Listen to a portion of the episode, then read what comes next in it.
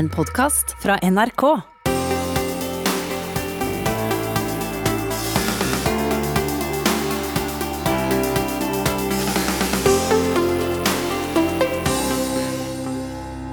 Velkommen til debatt i P2. Du eh, trodde kanskje du skulle få høre på Ekko nå, men denne uken så har vi i Norsk utenrikspolitisk institutt, NUPI, fått låne to timer i NRK P2 mandag til fredag. Mitt navn det er Therese Leine. Den eh, neste timen så skal det handle om et nytt Europa, som Norge kan risikere å bli holdt utenfor. Men først så skal vi spole litt tilbake vi skal nemlig få vite hvorfor politikerne begynte å bruke begrepet utenrikspolitikk. Utenrikspolitikk har ikke alltid vært en del av det offentlige ordskiftet. Og det skal du fortelle om, seniorforsker i NUPI, Halvard Leira. Velkommen. Tusen takk. Når og hvorfor begynte vi å snakke om utenrikspolitikk? Dette skjedde første gang eh, i England rundt 1730. Da hadde man fått utviklet en ganske bred trykkefrihet i Storbritannia. Man hadde begynt å skrive om politikk, diskutere politikk i parlamentet. Og Så var det noen som fant det for godt å kritisere hva regjeringen drev med utenfor landets grenser. Hvordan de drev diplomati, hvordan de inngikk allianser. Og Da sa den regjeringsstyrte pressen at takk, men nei takk, dette kan vi ikke diskutere, dette er utenrikspolitikk. Og Opposisjonspressen svarte forframset hva mener dere utenrikspolitikk? Vi mener dette, sa regjeringspressen, Dette får de ikke lov til å snakke om. Og så kastet de han som trykket opposisjonsavisen i fengsel. Så det var et forsøk på å hemmeligholde? Det var rett og slett et forsøk på å avstenge debatt og si at eh, hit, men ikke lenger. Dere kan få lov til å diskutere det som foregår innenfor statens grenser. Men når det gjelder det som foregår utenfor statens grenser, hva staten gjør med andre stater, så må dere ligge unna. Her er det viktig at vi er enige. Dette kan dere ikke nok om til at dere kan drive og skrive om det. Det blir bare tull og tøys. Og så Halvard, så begynte vi å snakke om, eh, eller bruke dette begrepet i Norge også. Ja, det skjedde betydelig senere. Det skjer for alvor fra 1860-tallet og utover. Det er litt annen dynamikk, for i Norge så kunne vi jo se på begreper som er brukt i andre land. De første gangene vi bruker utenrikspolitikk i Norge, så er det når norske aviser oversetter fra franske og engelske aviser. Og I Norge så har vi en, også en litt annen politisk dynamikk. Så I Norge så er det ikke noe at sånn regjeringen kommer trekkende og sier at dette er utenrikspolitikk som dere ikke får lov til å diskutere. Det er en lang diskusjon om hvorvidt Stortinget skal få lov til å forholde seg til disse spørsmålene, men når begrepet utenrikspolitikk tas i bruk, og man begynner å snakke mer systematisk om det, så kommer det i større grad fra stortingshold. Da er det som en forståelse at dette er noe annerledes politikk, men dette er noe som vi på Stortinget, som folket, må ha større kontroll over. Og Hva er egentlig utenrikspolitikk, sånn som vi bruker eh, begrepet i dag? Utenrikspolitikk er som mange andre begreper et begrep vi fyller med innhold. og Det har variert over tid. I, i lengre perioder var f.eks. ikke handel regnet som utenrikspolitikk. Da var utenrikspolitikk stort sett orientert omkring krig og fred og allianser. Eh, nå bruker vi jo utenrikspolitikk i dagligtalen stort sett om staters utadrettede virksomhet. Altså det stater gjør når de forholder seg til andre stater, men også når de forholder seg til internasjonale organisasjoner og eh, store internasjonale selskaper og ikke-statlige organisasjoner osv. Og Norsk utenrikspolitisk institutt, hvor vi begge jobber, Halvard, ble oppretta i 1959. Hvorfor det? En av de viktigste grunnene, og kanskje noe som spiller tilbake på hvorfor vi sitter her i dag, er jo at NUPI ble opprettet for å bidra til opplysning om internasjonale forhold, utenrikspolitikk osv. i Norge. For hvis vi går tilbake takk, så var det altså veldig få i Norge som var ordentlig informert om norsk utenrikspolitikk. Altså I unionen med Sverige så hadde vi felles konge og felles utenrikspolitikk. Så det var nesten ingen som sa, mente, tenkte eller visste så veldig mye om utenrikspolitikk i Norge eh, på 1800-tallet, og egentlig langt inn på 1900-tallet. Så Da NUPI ble opprettet i 1959, så var det som svar på et opplevd behov for bedre kunnskap i folket. Hmm. Er det fortsatt sånn eh, i Norge at eh, utenrikspolitikk er for eksperter? Både ja og nei. Vi har jo en fri debatt om utenrikspolitikk, men det er påfallende hvordan utenrikspolitikken allikevel behandles annerledes. Så Jeg var med på å gjøre en studie for noen år siden sammen med to kollegaer. hvor Vi så på hvordan norske utenriksministre ble møtt i Dagsnytt 18, og, og hvordan de ble behandlet i pressen. Og Så sammenlignet vi Jonas Gahr Støre som utenriksminister med Jonas Gahr Støre som helseminister. Jonas Gahr Støre som helseminister fikk mange kritiske spørsmål, ble møtt i skarpe debatter. Jonas Gahr Støre som utenriksminister to år tidligere hadde kommet i studio og mer eller mindre fått agere som en utenrikspolitisk ekspert. Han ble bedt om å kommentere Obamas siste tale, f.eks. For de som er interessert i, eh, i, utenrikspolitikk, de kjenner sikkert igjen eh, begrepet om at det er konsensus i norsk utenrikspolitikk. Altså at den utenrikspolitikken som Norge fører er noe vi stort sett er enige om. Er det en riktig antakelse? Delvis, vil jeg si. og Det er en målsetting, og dette er ikke en målsetting som er spesielt for Norge. Altså Selv stormakter som USA har man jo sagt at 'politics stops at the water's edge'. Det er en tanke som i og for seg går tilbake til det vi snakket om i Storbritannia for eh, 300 år siden. Vi har ikke råd til å være uenige utad. Vi må stå samlet utad. Når vi stjeler for stormakter, mener mange at det må, må gjelde ekstra for små stater. Men så er det dette med enighet og konsensus, at det har jo to sider. Det ene er at vi i Norge har hatt en tradisjon for å bli enige om norsk utenrikspolitikk. Men det betyr jo ikke at vi har en, nødvendigvis en tradisjon for å være enige. Og naturligvis det store uh, unntaket her er EU-spørsmålet. Mm. Men hva er da typisk norsk eh, utenrikspolitikk? Nei, typisk norsk utenrikspolitikk Jeg pleier å si at vi kan si at den er nasjonalliberal, internasjonalistisk. Hva betyr det? Det betyr, La oss begynne med internasjonalismen og den liberale internasjonalismen. Norge er et land som er opptatt av verden rundt oss. I Norge så tror veldig veldig mange, store flertall, hvis vi ser på de eh, spørreundersøkelsene som finnes, at verden kan bli et bedre sted. Vi er utviklingsoptimister. Og så er vi eh, nasjonalister, og det har to sider. Den ene siden er at vi tror at verden kan bli bedre ved at Norge engasjerer seg aktivt. En stor tro på at hvis alle bare var som oss, så ville alt gå bra, som det heter i kardemommeloven. Eh, men det andre siden ved det er jo at vi er mer og mer internasjonalistiske dess lenger bort vi kommer fra Norge. Dess nærmere vi kommer Norge, dess tydeligere blir det nasjonale. Men det gir seg også utslag på sånne måter som at vi tror at vi vet best. Derfor er, mener jo vi i Norge at det er god internasjonalisme at vi har kontrollen over fiskerisonen rundt Svalbard, og at det er tryggest at vi står utenfor EU. Mm. Er eh, utenrikspolitikk noe nordmenn er spesielt opptatt av? Igjen er det fristende å svare ja og nei. Jeg oppfatter at nordmenn er veldig opptatt av internasjonal politikk. Vi er veldig opptatt av ta et veldig nært eksempel, presidentvalgene i USA.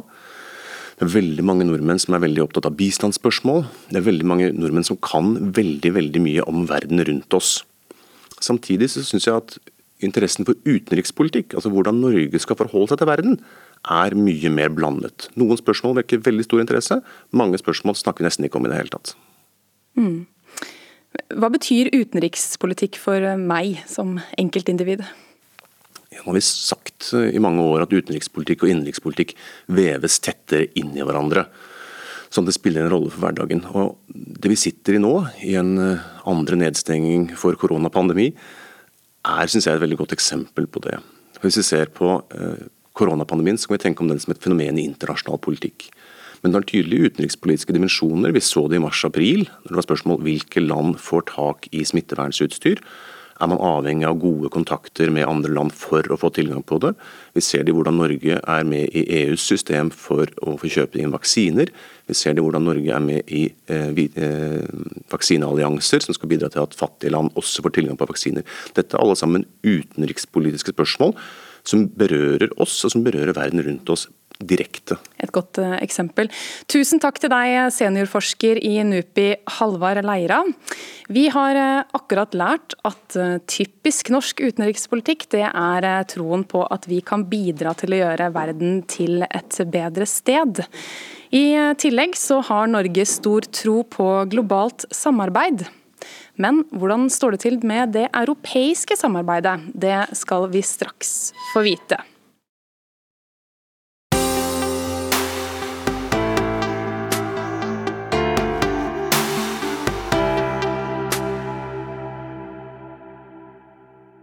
Dette er eh, NRK P2, og i dag så er det Norsk utenrikspolitisk institutt som får lage debatt i P2 her på kanalen. Mitt navn er Therese Leine. Vi skal nå snakke om eh, Europa. Europa er nemlig trua. fra flere kanter, og en fornyelse for å overleve i en kaotisk verden trenger seg fram. Men Norge, da? Vi kan bli stående utenfor med skjegget i postkassa. Og For å diskutere det, så har jeg med meg direktør i NUPI, Ulf Sveidrup. Velkommen. Takk for det. Og journalist og forfatter eh, Tove Gravdal, velkommen til deg. Takk skal du ha. Eh, vi skal snakke om dette nye Europa, men eh, først, Ulf. Hvordan er det å være direktør i NUPI? Hva er det som er din viktigste oppgave, sånn du ser det? Det er veldig gøy. Jeg får lov til å jobbe med veldig mange dyktige mennesker. NUPI er ca. 60-70 ansatte som er forskere fra forskjellige deler av Norge, men også fra utlandet. Og vi jobber med to ting. Vi jobber med å drive med god forskning om ting som er viktig for norsk utenrikspolitikk. Og så I tillegg så har vi et mandat med å bidra til å opplyse offentligheten og beslutningstakere om saker. Så, jeg, jeg mener vi driver med høy kvalitet, men også driver med ting som er relevant. Og det gir mye glede for alle ansatte, tror jeg. Mm. Du er ikke bare NUPI-direktør, du er også europaforsker eh, og har fulgt utviklinga i Europa tett i mange år. Hva slags trusler og utfordringer er det Europa står eh, overfor nå? Ja, Hvis vi ser litt stort på det, så kan vi si at det siste tiåret eller drøye tiåret har vært veldig krevende for Europa. Vi hadde finanskrisen, som var 2008-2009. Som satte i gang en stor økonomisk krise, vanskelig periode. I tillegg til det så kom migrasjonskrisen, som eh, skaka prosjektet dypt. Og så kom brexit på toppen av det hele. Og så hadde vi mange andre utenrikspolitiske utfordringer knytta til Ukraina, knytta til Syria og mange andre ting. Og nå sist korona. Og alt dette er liksom veldig kraftige sjokk vil jeg si, for det europeiske samarbeidsprosjektet. Mm. Og, så, og, Hvordan møter Europa disse truslene og utfordringene? Det viktigste, tror jeg, sånn, kort fortalt, er at det er kommet en erkjennelse av at alle sammen er bedre tjent med å forsterke og utvikle samarbeidet enn å bryte det sammen eller bryte og reversere det europeiske samarbeidet. Det er den viktigste erkjennelsen. Eh, men eh, i dette ligger det også en eh, dyp erkjennelse at man ønsker å fornye det europeiske prosjektet og fremtidsrette det og gjøre det relevant for de utfordringene som gjelder for vår tid. Det betyr å gå utover bare å ha et indre marked eller en felles valuta. Og det er det man står midt inne i nå. Mm. Og Ulf, du, du, har snakket om europeisk solidaritet. Hva mener du med det? Jeg mener Det er to store stikkord i den prosessen som foregår nå. Det ene er en diskusjon om å styrke det som heter europeisk suverenitet eller strategisk autonomi. Altså tydeliggjøre EUs rolle i utenriks- og sikkerhetspolitikk, og slik at EU kan sine, Europa kan ivareta sine interesser i utenrikspolitikk. Det andre, og det er et slags søsterbegrep, vil jeg si, det er europeisk solidaritet. For å kunne være mer koordinert og ta flere samla grep, så må man også utvise en form for solidaritet. Det betyr å drive med omfordeling og ta, eh, ta, ta hensyn til de små statene og etc. Og Det er et prosjekt også for å binde Europa sammen. Og Det har blitt forsterka gjennom korona. Mm. fordi at I sommer så gjorde EU en veldig viktig gjennombrudd, en dramatisk forandring, fordi at EU så at, eller EU-landet så at for å komme ut gjennom koronakrisen, som er veldig dyp, så må EU-statene sammen ta opp et lån. Slik at de står mer solidarisk bak det, at, og det gir enorme økonomiske ressurser til å drive med omfordeling. Mm. Og Det er det nye store. Mm. I, I, hvilke fora er det du ser disse trendene, altså europeisk solidaritet og europeisk suverenitet? Ja, eh, Det spiller seg jo ut eh, på alle mulige nivåer, vil jeg si. Altså, eh, Tove kan komme litt tilbake til det. Men noe av det idémessige tankegrunnlaget rundt dette kommer jo fra Macron, franske presidenten. Men dette er jo i økende grad noe som har oppslutning i andre europeiske hovedsteder også. Og vi ser det også, men vi ser det også i praktisk politikk. da, altså Sentralbanken sine disposisjoner, finansministrenes eh, eh, disposisjoner, men også i næringslivet. Hvordan de også er med, og industrien på disse redningspakkene som går nå, rundt en digitalisering og grønn omstilling etc. Så, så det er veldig mange nivåer. Mm. Tove Gravdal, du har vært eh, utenriksjournalist med base i Frankrike i flere år. Ser du det samme som Ulf snakker om her? Ja, absolutt. Det, det, er helt riktig det Ulf eh, sier. At det er eh, et slags eh, nytt Europa. Det er i hvert fall et slags paradigmeskifte i Europa. Og Jean Monnet, en av EUs fremste grunnleggere, han var jo med på å skape ideen om det som nå er EU etter krigen. Han var jo fransk motstandshelt og minister i årene etterpå. Og han sa at eh, Europa blir formet i kriser. Og denne pandemien eh, kan kanskje igjen dokumentere at, eh, at Monet har rett. Og mm, vi så jo tidlig da koronaen slo inn over Europa at EU var veldig nølende og veldig famlende. Og hvert land bare stengte seg inn og lukket seg inn i seg selv. Og, og vi skal ikke dele munnbind med noen, og vi skal ikke dele øh, våre ressurser med noen andre. Og det førte til at Kina landet på flyplassen i Italia med nødhjelp til italienerne. ikke sant? Veldig eh, dårlig bilde for, for EU. Og så øh, vokste det da frem en vilje etter hvert i EU til, at, til, å gjøre noe med dette. Vi må faktisk stille opp for hverandre, noe som da endte opp med denne utrolige krisepakken i i eh, juli på 750 milliarder eh, euro, og som ventelig blir vedtatt nå i eh, desember. Og, og, Dette er jo også en dreining fra hvordan EU håndterte krisen eh, etter finanskrisen i 2008, hvor det ble skapt en veldig konflikt innad i EU mellom landene i sør, hovedsakelig og landene i nord, eh, anført av Tyskland, som krevde budsjettdisiplin og kutt i offentlige utgifter for å få økonomien eh, opp og stå igjen. Nå ser vi noe helt annet. Altså Nå har Tyskland da endre standpunkt fra den gangen og gå med på å ta opp lån på vegne av EU mm. for å hjelpe de landene som er hardest rammet i eh, denne pandemien. Det er faktisk utrolig historisk. Og Det paradoksale i dette er jo at Eh, vår gode nabo Sverige, som jo er kjent for sitt sosialdemokratiske sinnelag, er faktisk et av de landene som har vært nølende da, til denne krisepakken i EU. Men som, nå er de jo om bord.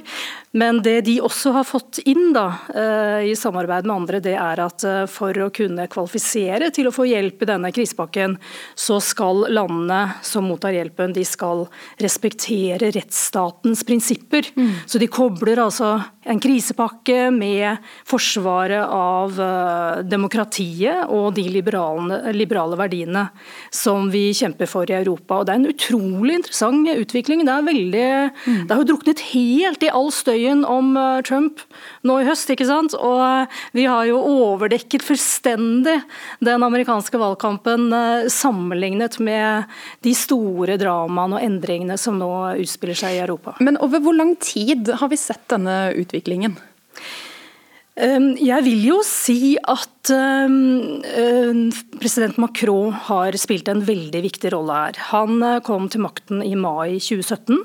Han holdt en stor tale på Sorbonne-universitetet i eh, september 2017, tre måneder senere, som var hans store europatale, hvor han la ut sine visjoner for eh, denne strategiske autonomien, altså den slags europeisk suverenitet i å greie seg og være uavhengig av, uh, av andre store makter, først og fremst USA og, og Kina.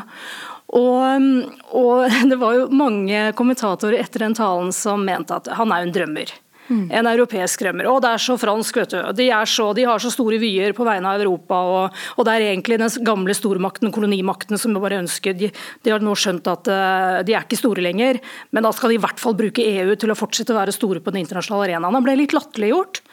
Og så har det liksom vokst seg frem da, over tid en tilslutning til Macrons tanker, og det er ren realpolitikk. Mm. Fordi Trump har bare satt en knyttneve i Europa ved å reise tvil ved om Nato kommer til å øh, overleve. Nå ble han ikke gjenvalgt, så nå kommer Nato til å overleve, sannsynligvis. Men vi vet jo ikke om det kommer en Trump øh, igjen mm. i USA. Så det var en sånn eh, erkjennelse som kanskje sank inn i Europa etter hvert. Da. Det er ikke sikkert vi eh, kan regne med USAs støtte militært. Vi, og det andre er trusselen fra Kina, selvfølgelig, som ja. Eh, er blitt mer og mer påtrengende. Vi skal snakke mer om transatlantiske relasjoner etterpå. Men Ulf, tror du Europa vil lykkes med dette prosjektet? Det er, det er krevende fordi det er så omfattende. Skal jeg bare si litt i forlengelse, Hva er prosjektet handler om, i tillegg til disse stikkordene? I den fornyelsen så handler det jo egentlig om å drive Fordi når medlemsstatene tar opp så mye gjeld for å komme gjennom denne krisen, så er en moralsk og økonomisk forpliktelse på å investere de pengene slik at neste generasjon kommer bedre ut av det.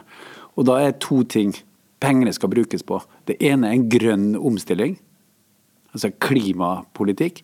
Og det andre er digitalisering for konkurransekraft. Og jeg tror at de to prosjektene kommer Europa til å lykkes med. Mm. Men eh, de politiske spenningene om suverenitetsavståelse, om små stater versus store stater, Øst- og Vest-Europa, det kommer til å være veldig krevende i tiden som kommer. Så, så vi, må, vi må tenke liksom langsiktig her. Det kommer til å være bråk og ståk ved hver eneste forhandling. Men, men det er en retning som er lagt, og den, den synes det som å være ganske bred oppslutning om. Mm. Men er det egentlig nødvendig at Europa fornyer seg, eller er det noe EU prøver på for å styrke sin egen eksistens? Enhver Altså, vi må ikke tenke om EU som et mål i seg selv. EU er en, et samarbeidsmekanisme for å realisere noen politiske målsettinger. Så det er et middel. Og klart at Det middelet det må finstilles og justeres øh, slik at det til enhver tid kan adressere de strategisk viktige spørsmålene, som er viktige for sikkerhet, viktig for velferd, viktig for øh, vekst og utvikling. Så klart, det må, øh, Når verden endrer seg, så må Europa også endre seg. Mm. For deg som akkurat har skrudd på radioen, så er det NUPI som har sending eh, i dag fra 9 til 11. Med meg i studio så har jeg NUPI-direktør Ulf Sverdrup og journalist og forfatter Tove Gravdal. Fram til nå så har vi fått høre at eh, Europa er i ferd med å endre seg og bli mer solidarisk og stå enda sterkere samlet for å kunne overvinne trusler. Men eh, Norge, vi er jo ikke medlem av EU, vi. Og da er det ikke alltid så lett å være en del av det varme europeiske fellesskapet. Ulf, gjennom EØS eh, så er jo Norge knytta til det europeiske markedet. Men hva med alt dette andre du har snakket om, kommer vi til å være med på det? Uh, det er litt interessant. Norges tilknytningsform til EU er veldig sammensatt. Mange tror at den handler egentlig kun om EØS, men i realiteten har vi nesten 100 avtaler med EU. Og på noen områder så er det sånn at vi bidrar til europeisk solidaritet og omfordeling gjennom forskjellige fond. Og Norge er også ganske tett eh, integrert i europeisk forsvars- og sikkerhetspolitikk. Men eh, Norge har ikke et samla avtaleverk nå til å relatere oss til det, til det større europeiske skiftet som vi ser nå som går på kryss og tvers litt av de avtaleverkene som kommer. F.eks. dette med Kina. Eh, som en del av Europas politikk overfor Kina, så handler det om å se på ok, hvordan skal vi bruke konkurransereglene våre. Hvordan skal vi bruke ha beskyttelse av investeringer. Eh, hvordan skal vi stoppe eksportkontroll, eller sikre eksportkontroll på varer som har med Kina å gjøre. Alt dette er ting som er relevant innenfor EØS-området. Men Norge er ikke typisk en del av det, fordi at dette er forankra rettslig i EU i bestemmelse om det som heter unionens sikkerhet, som ikke er en del av EØS-avtalen. Så uh, du kan si Norges avtale med EU var og er avtaler som ble utvikla for et litt annen type Europa enn det brede, mangefasetterte som vi ser konturene av nå. Mm.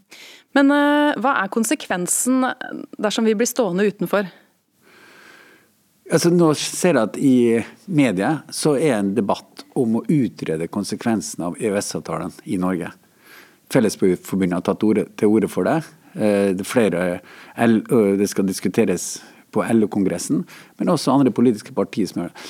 Og da er noen som omfavner det. Og jeg tenker at dersom man ønsker å gå i retning å utrede EØS-avtalen, så er mitt budskap være at da må man utrede en slags analyse av hvilket Europa er vi i ferd med å se konturene av, og hvordan eventuelt ønsker Norge å forholde seg til det. Mm. Tove, hva mener du er konsekvensen hvis Norge blir stående utenfor dette nye Europa? Det er klart at Vi kan jo henge oss på Europa som vi gjør i, allerede på mange juridiske områder. og det, men det, er klart vi får jo ikke vært med på å utforme uh, disse nye uh, lovene og reguleringene som kommer. og jeg tenker at For alle som er eh, opptatt av eh, klima f.eks., av skattlegging av disse store teknologiselskapene som betaler minimalt med skatt både i Norge og i andre deler av Europa, Google, Apple, eh, Facebook og sånn. Hvis man er opptatt av det, da, så bør jo Norge kline seg så tett inntil EU som bare mulig. Fordi dette er arbeid som pågår i EU. Og Norge med fem millioner mennesker, vi har jo ingen sjanse i havet til å ensidig kunne innføre skattlegging av, eh, av Apple eller Amazon i Norge. ikke sant? Vi må eh, da alliere oss med EU. Og, eh, og, i klimapolitikken, vi alle er jo enige om at eh, det nytter ikke å bekjempe klimaendringene alene uten et tett samarbeid med andre. og Det er helt naturlig at Norge da samarbeider med EU, som har, et, eh, har ambisiøse klimamål. Og Om det er nødvendig at Norge skal være medlem for å få til dette, det er jeg ikke så sikker på. Jeg, jeg syns det vil være litt synd hvis en fornyet oppmerksomhet og en fornyet debatt om Europa og Norges forhold til Europa igjen skal handle om norsk medlemskap eller ikke. For da vet vi fra de to foregående rundene at eh, vi fort ender opp i skyttergraver for eller mot EU. Eh, men vi må få opp dette teppet, eller dette, hele dette eh, scenarioet fremover nå, da, og hvilken rolle EU har i å forsvare politikk og verdier som vi i Norge holder veldig høyt. Mm. Altså, det handler jo om demokratiets fremtid til syvende og sist. som er, altså Demokratiet er på retur. EU fremstår nå som den viktigste forsvareren av disse verdiene, til tross for at Joe Biden har vunnet valget i USA. Eh, og, og da må vi ha mer oppmerksomhet i Norge om hvordan eh, hvordan vi skal samarbeide med EU. Om det da er eh, medlemskap eller ikke, det, det, får bare være en del av den debatten. Ulf, hva må vi gjøre for å få bli med på dette nye Europa? Jeg tenkte bare jeg skulle si at jeg er helt enig med det Tove sier her. Det som er i tillegg til det hun sier, er at Norge er jo et europeisk land. Vi har masse kunnskap, masse erfaring, masse innsikt i mange typer spørsmål. Norsk politikk og måte å håndtere store samfunnsmessige spørsmål på. Det gjør Norge på mange gode måter. Vi har mye å bringe til den europeiske debatten. Så det, så det er jo ikke bare et spørsmål om tilknytningsform, men det handler om perspektiv. Altså norsk politikk, norske politiske løsninger, må også våge å delta i det europeiske ordskiftet som går nå det går akkurat nå om hvordan Europa skal forholde seg til Afrika, hvordan Europa skal forholde seg til USA, til Kina, hvordan man skal drive grønt skifte, hvordan man skal drive med skatt etc. Hvordan ser fremtidig kapitalisme ut? Denne diskusjonen foregår nå, og jeg er overbevist om at norske politikere fra hele politiske spekteret egentlig har mye innsikt og veldig mye å bringe til den debatten. Så jeg syns at vi må unngå akkurat nå å bli bare opptatt av Norge. Men har du inntrykk av at norske myndigheter er interessert da, i å bli med på dette prosjektet? Uh, altså som, uh, som medlem, det, det, det, tror jeg er litt sånn fremmed. Men jeg syns at uh, Norge må oppdatere sitt forhold til EU. Og oppdatere sitt forhold til det som foregår i Europa. Det er ikke bare snakk om et marked i et slags EØS fjerde jernbanepakke eller et eller annet sånn type teknisk ting. Det er et større skifte som foregår, og det, det tror jeg egentlig norske politikere uh, i bred spekter er opptatt av. Mm. Uh, jeg skal bare si sånn, altså Ta rød-grønne regjering. Uh, hvis det kommer til De vil ha en, sikkert drive en klimapolitikk. Fremskrittspartiet vil være veldig opptatt av migrasjonskontroll. Begge disse to spørsmålene. KrF vil være veldig opptatt av utviklingspolitikk og forhold til Afrika. Høyre vil være opptatt av forholdet til Kina. Altså, det, er ikke, det, det, er ingen problem med å se mange tilknytningspunkter her. Mm. Og Det er jo viktig å huske på at eh, en, det kanskje den aller største delen av eh, ressursene som brukes i Utenriksdepartementet, brukes jo på politikk overfor Europa. Men eh, den er jo ikke så synlig i, i offentligheten, og det er veldig synd. Gitt, gitt, hvor mye større betydning det har hva som skjer i Brussel og i europeiske hovedsteder. Hva tror en, du grunnen er? Er ikke vi nordmenn interessert i Europa? Nei, jeg, er, jeg tror vi er interessert i Europa. Europa. Det er så mange interessante ting som foregår i Europa. Og der har vi i mediene har en, eh, kanskje en del eh, skyld. Uh, mens dekningen av USA er totalt overdimensjonert. Det er jo ikke så utrolig viktig for norske lesere og seere. Altså, vi trenger ikke å vite alle detaljene om valgprosedyrer i Georgia. Men vi trenger å vite mer om eh, valgresultater og politiske strømninger i Europa. Men når da både NRK og andre nedprioriterer dekningen av, eh, av Europa, så blir jo også folks eh, oppmerksomhet deretter. Så vi må slå et slag for mer mediedekning av europeiske forhold og gjøre de der kjedelige prosessene, ikke sant? diskusjonene om fryktelig viktige ting. Om f.eks. skattlegging av, av teknologiselskapene. En utrolig langdryg prosess. Men nå i desember så kommer nå kommisjonen med lovforslag om, eh, om regulering av, eh, av internett. Og det angår hverdagen vår. Eh, det handler om dataene mine som jeg legger igjen, altså sporene jeg legger igjen på internett hver eneste dag. Og EU er veldig opptatt av det. Hvordan skal, hvordan skal vi sørge for at disse dataene ikke blir misbrukt? Hvordan skal vi lage systemer som gjør at det blir trygt å være på internett? Og Det er jo kjempespennende. men eh, det er bare måten det formidles på som jeg tror kanskje vi kan forbedre litt. da. Mm. Hva har eh, koronapandemien hatt å si for Norges forhold til Europa? Eh, jeg tror på, for de fleste i Norge, hvis du ser alminnelige borgere, så tror jeg nok de har blitt mer opptatt av, av Norge. Ting er, kommunikasjon med andre land har blitt redusert, og man er på en måte har fått en slags interesse for at vi må gjøre mer selv, ha litt mer selvberging og redusere avhengighetene våre. Det er det korte. Eh, på lengre sikt så ser vi nå at eh, vi kommer til å sannsynligvis få en vaksine. Eh, den vaksinen kommer jo til Norge gjennom den europeiske avtalen om å kjøpe inn vaksiner. Og vi ser jo også at veldig mye av den statistikken og dataen som kommer rundt hvordan man styrer pandemien, er en del av et europeisk samarbeid. Eh, så det er liksom den helsemessige biten. På økonomi, på økonomi så er det ikke noe tvil om at korona har utløst en stor økonomisk krise i mange land. Og i Norge er vi tross alt godt rusta. Vi har noe mindre spredning av sykdom, og samtidig så har vi eh, ganske gode økonomiske ressurser til å dekke opp den økonomiske krisen. Så jeg tror norsk økonomi kommer til å bli enda litt mer annerledes enn de, noen av de europeiske land. Mm. Direktør eh, i NUPI Ulf Sverdrup og journalist og forfatter Tove Gravdal, dere har nå lært oss at Norger må sette alle kluter til om vi ikke skal bli stående utenfor et nytt europeisk fellesskap. Dere skal være med oss videre, og vi skal i tillegg få en ny gjest inn i studio. Hun skal fortelle oss om et gammelt ektepar som er i ferd med å skli fra hverandre, nemlig Europa og USA. Klarer de å redde ekteskapet? Det skal vi straks få innblikk i.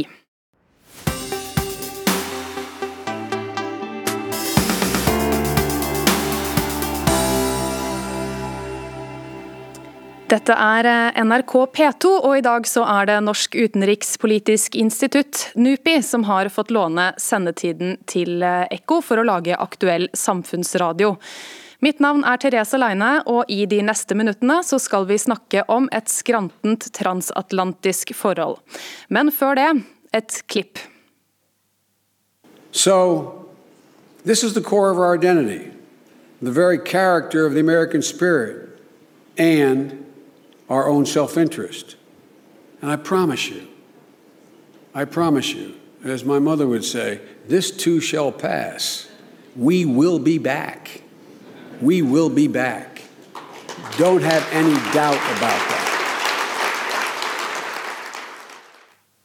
Vi hørte her eh, USAs neste president Joe Biden, som lovte sine europeiske allierte ved den internasjonale sikkerhetskonferansen i München i 2019 at USA kommer tilbake igjen.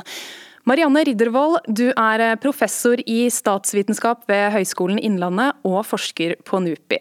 Og her på P2 i dag så er du vår ekspert på transatlantiske relasjoner. Hva betyr egentlig transatlantiske relasjoner?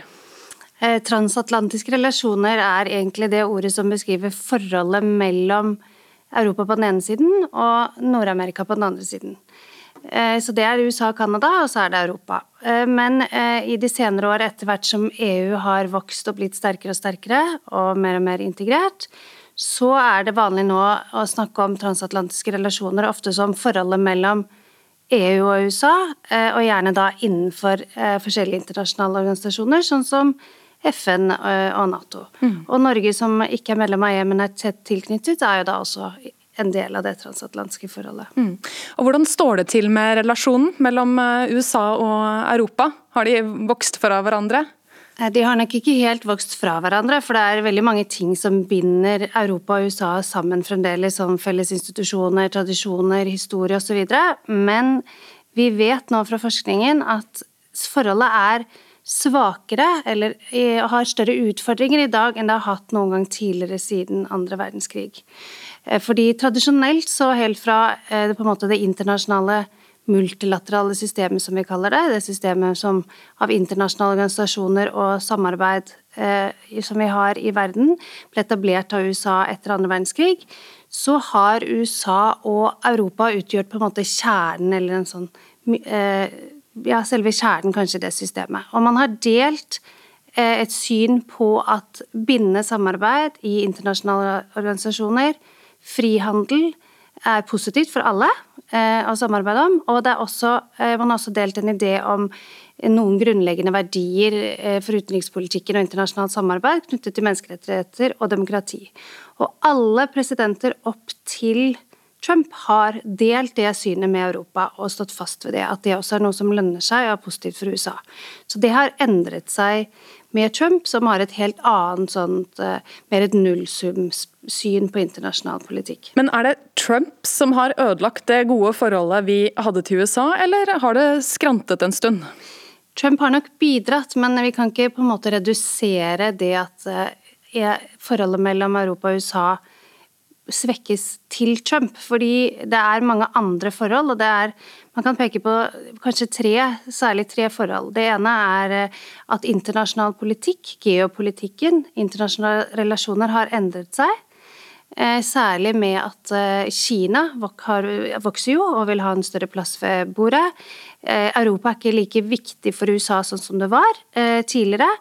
Eh, og eh, det, den, eh, på en måte det som kalles pivot to Asia, eller en sånn forskyvning mot Asia i amerikansk politikk, det skjedde under Biden og Obama, så altså før Trump. Et annet viktig poeng, som, eller en ting som har utfordret transatlantiske relasjoner, er jo på EU-siden, i forhold til at EU har stått overfor en del utfordringer. Eh, internt med kriser og eh, utfordringer knyttet til samhold også i forhold til USA, hvor mange har søkt bilaterale relasjoner eller sånn én-til-én-relasjoner. Og så er det jo da endringer i amerikansk utenrikspolitikk. Så det er mange ting som påvirker eh, styrken i det forholdet. Men eh, at det blir bedre igjen nå under Biden, det vil jeg tro. Men at, for, at vi skal forvente at vi går tilbake til sånn som det var før Trump, det er en illusjon. Og det tror jeg ikke så mange forskere eller observatører forventer at skal skje. Vi snakket om et nytt Europa den forrige halvtimen. Eh, betyr et sterkere Europa at vi styrker eller svekker den transatlantiske relasjonen, Ulf? Uh, enkelte har trodd at det er et styrka Europa handler om å gjøre noe som er et alternativ til det transatlantiske samarbeidet.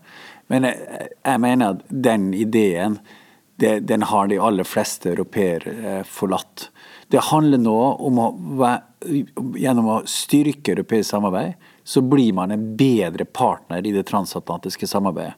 Det er ingen europeiske stater, absolutt ingen, som ønsker å svekke samarbeidet med USA. Tvert om, de ønsker å ha det så sterkt som mulig. Og jeg vil tippe at marsjordren nå, etter eh, når Trump går ut av kontorene, så handler det om å få amerikanerne tilbake og vise samarbeidsvilje.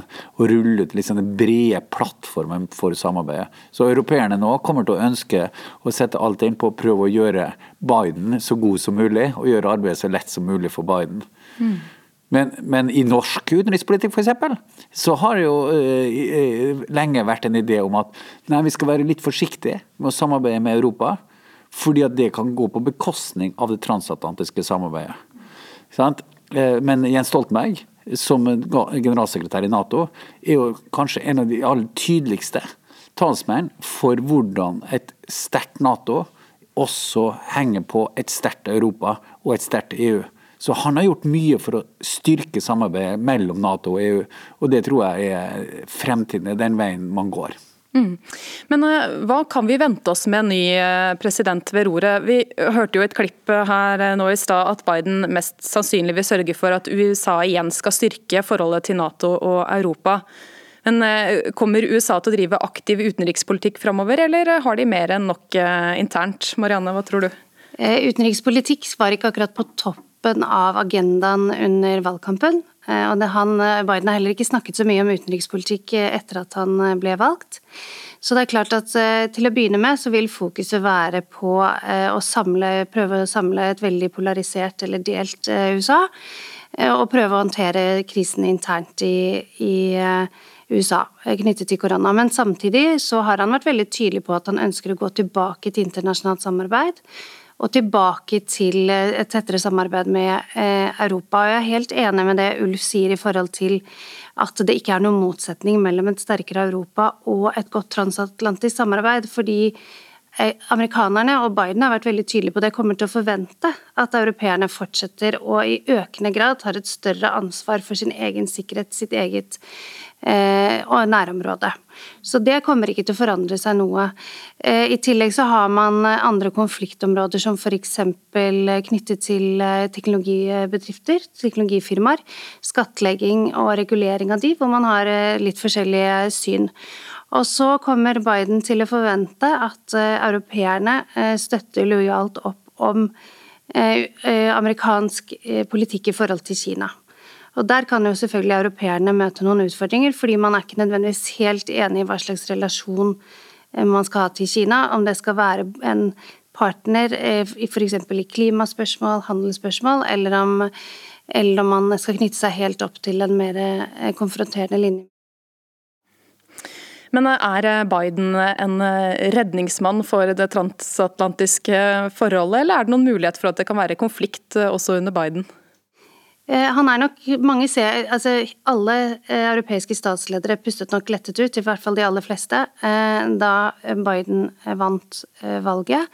Og Det er fordi de tenker at nå kommer Biden tilbake til, en, til det europeiske samarbeidet. Han har eh, antydet at han vil ha et møte allerede kanskje i mars i Nato. Han vil styrke klimasamarbeidet, vil ta opp igjen ledelsen kanskje sammen med Europa i, i det internasjonale helsearbeidet i forhold til til covid eller korona, men han eh, det er fremdeles utfordringer som sagt knyttet til ulikt syn kanskje på Kina. Ideelt sett så klarer man å samarbeide med Kina om miljø og noen andre utfordringer i institusjoner som klarer på en måte å skille ut de større konfliktene som er rundt.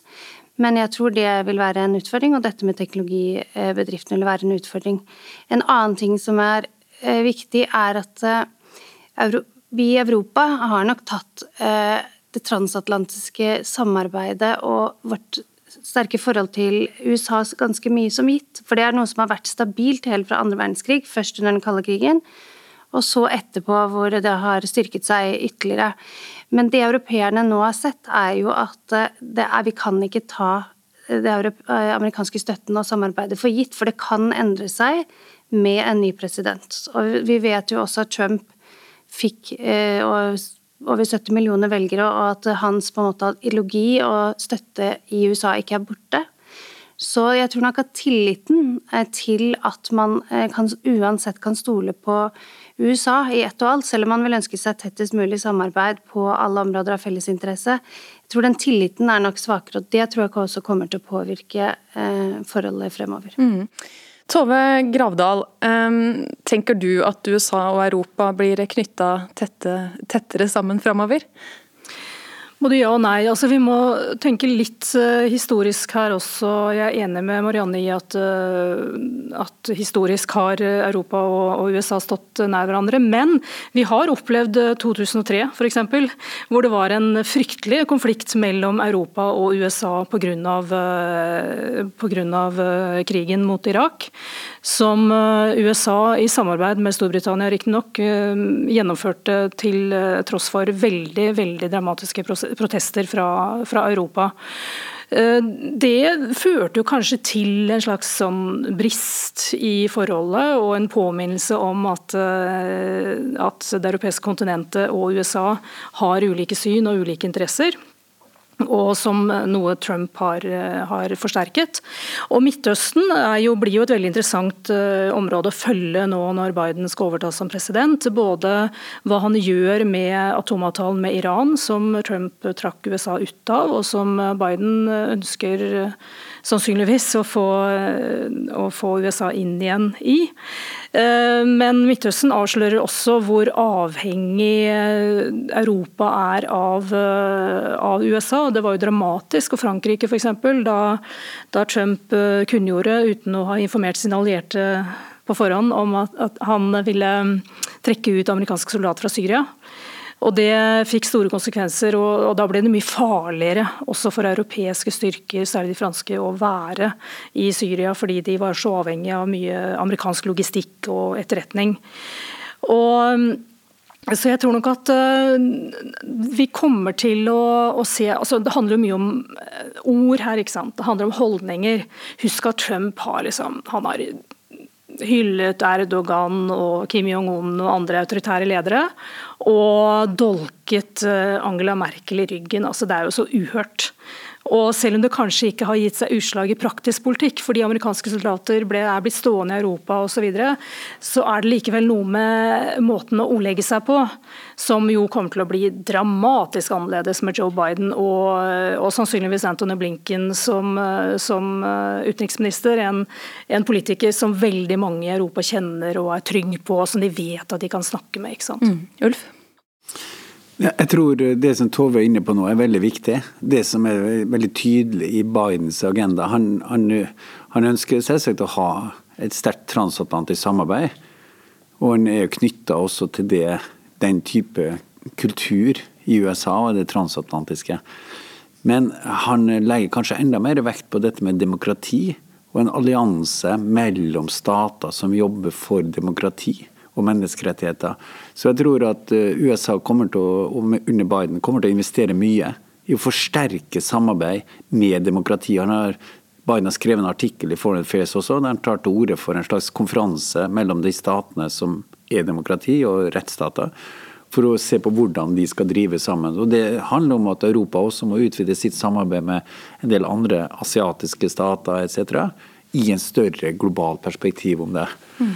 Eh, men så, når det er sagt, så er det jo sånn at USA Demografien i USA endrer seg. Det blir færre europeere i USA. Og det blir mer, det er flere latinamerikanske eller asiater i USA. Og i tillegg så er utsynet i amerikansk politikk kommer til å vende seg mer og mer mot Asia. Og Europa har veldig lenge tatt, eh, tatt, eh, redusert sine kostnader til sikkerhet og vi har brukt pengene våre på velferd og venter på at USA skal garantere for vår sikkerhet.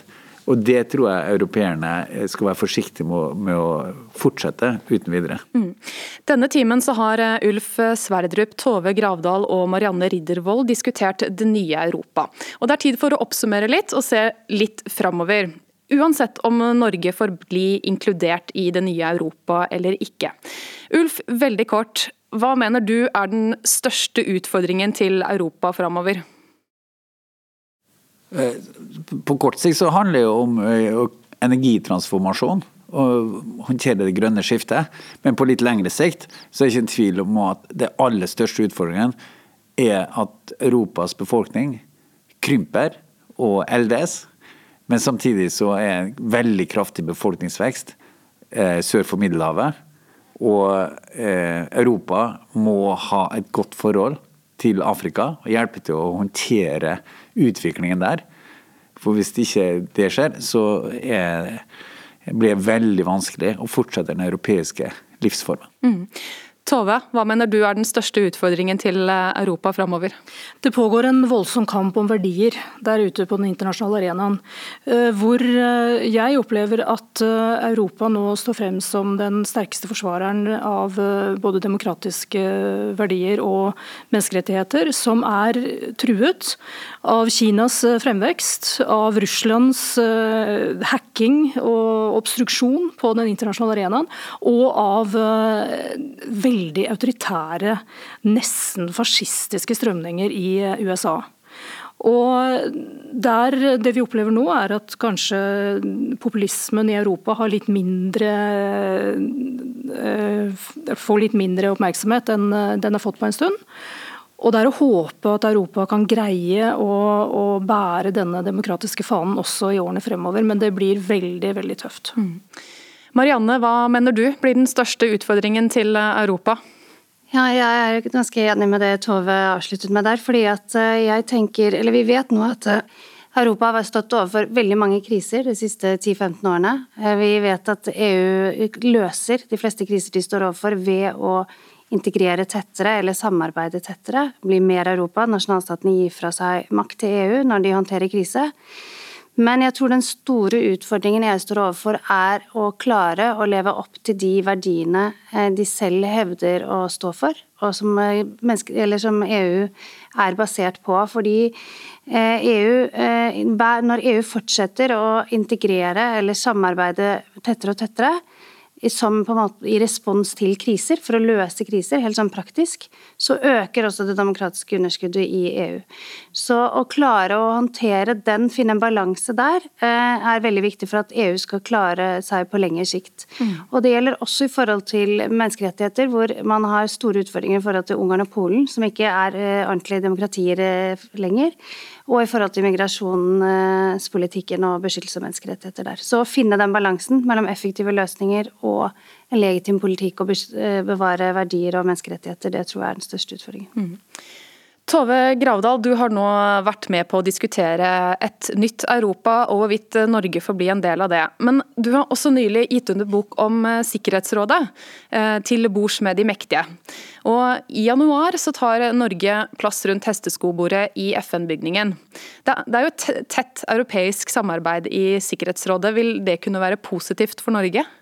Helt klart, Det blir en veldig viktig arena og mulighet for Norge til å, til å, øke samarbeidet med Europa. Jeg er helt sikker på at det kommer til å være nesten daglig kontakt mellom eh, den norske utenriksministeren og hennes eh, franske, britiske, irske og estiske kolleger. altså Det er de europeerne som skal sitte i rådet neste år sammen med Norge. Og mm, Det er eh, veldig viktig, særlig i forhold til Frankrike, som jo er en vetomakt i, eh, i Sikkerhetsrådet, og som deler mange av de verdiene Norge ønsker å kjempe for i, eh, i rådet. Så Det gir en veldig god mulighet til å utdype samarbeidet, i tillegg til at det også er en sånn nordisk eh, dimensjon ved det, fordi de nordiske landene samarbeider veldig veldig tett i EU, inkludert i, i Sikkerhetsrådet. Norge overtar i realiteten plassen til Tyskland, eh, og, Norge, og Tyskland har jo støttet eh, Norges kandidatur til Sikkerhetsrådet hele tiden. Og, mm, og, Tyskland ser på Norge som en likesinnet, og som en veldig viktig aktør i, i FN. Så det er definitivt en veldig god arena for et tett samarbeid med, med andre europeiske land. Mm. Hvordan vil det komme til uttrykk da de neste to årene? Norge skal videreføre det Tyskland har gjort i eh, de to årene de har sittet i rådet nå, frem til nyttår, hvor eh, Tyskland har forsøkt å få inn på dagsordenen i rådet at klimaendringene er en sikkerhetstrussel. Det er bl.a. Russland uenig i, Trump-administrasjonen er også uenig i det. Men Norge har jo lovet at det er også et tema som Norge skal prioritere i rådet, og det blir en sånn eh, å videreføre en europeisk tradisjon. Og jeg tror også at Når det gjelder forsvaret av menneskerettigheter og, og det å få inn kvinners rettigheter og den, sånne type saker som er viktige for flere europeiske demokratier, så vil jo Norge kunne samarbeide veldig tett med de andre europeiske landene. Mm. Tove, du skal være med oss også i begynnelsen av neste time for å snakke om Sikkerhetsrådet. Eh, nå nærmer vi oss Dagsnytt. Eh, det er på tide å takke av Marianne Riddervold, professor i statsvitenskap ved Høgskolen Innlandet og forsker på NUPI. Og direktør i NUPI, Ulf Sverdrup. Takk til dere. Debatt i P2 er tilbake etter Dagsnytt, og da spør vi hva er poenget med at Norge skal være medlem i Sikkerhetsrådet? Vil vi få gjennomført noe i det hele tatt, eller er det bare en catwalk i internasjonal politikk?